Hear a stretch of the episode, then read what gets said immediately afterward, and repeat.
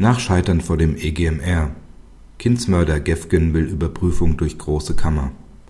Der Kindsmörder Magnus Gefgen will die Ablehnung seiner Grundrechtsbeschwerde durch den Europäischen Gerichtshof für Menschenrechte von der Großen Kammer dieses Gerichts in Straßburg überprüfen lassen. Das bestätigte Gefgens Anwalt Michael Heuchemer am 26.08.2008.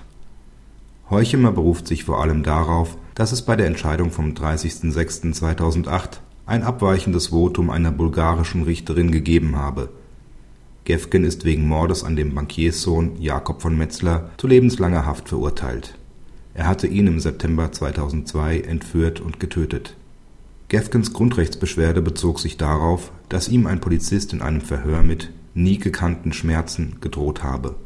Damit habe die Bundesrepublik Deutschland gegen das Folterverbot und das Recht auf ein faires Verfahren gemäß den Genfer Konventionen verstoßen, hatten Gefgens Prozessvertreter argumentiert.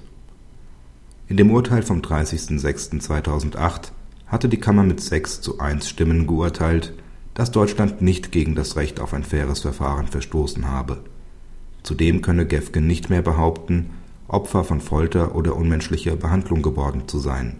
Rechtsanwalt Heuchemer kündigte an, bis zum 30.09.2008, also innerhalb der dafür gesetzten Drei-Monatsfrist, eine Überprüfung dieser Entscheidung durch die Große Kammer zu beantragen.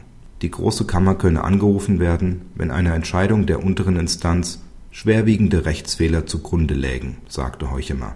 Nach seiner Überzeugung entspreche das Urteil nicht der gängigen Rechtsprechung des EGMR. Die Richter in Straßburg hatten die absolute Gültigkeit des Folterverbots bestätigt, aber darauf hingewiesen, dass Gefgen während des Prozesses sein Geständnis freiwillig wiederholt habe. Gefgen hatte nach dem Mord an dem elfjährigen Jakob von dessen Eltern eine Million Euro Lösegeld verlangt und die Leiche in einem osthessischen Tümpel versteckt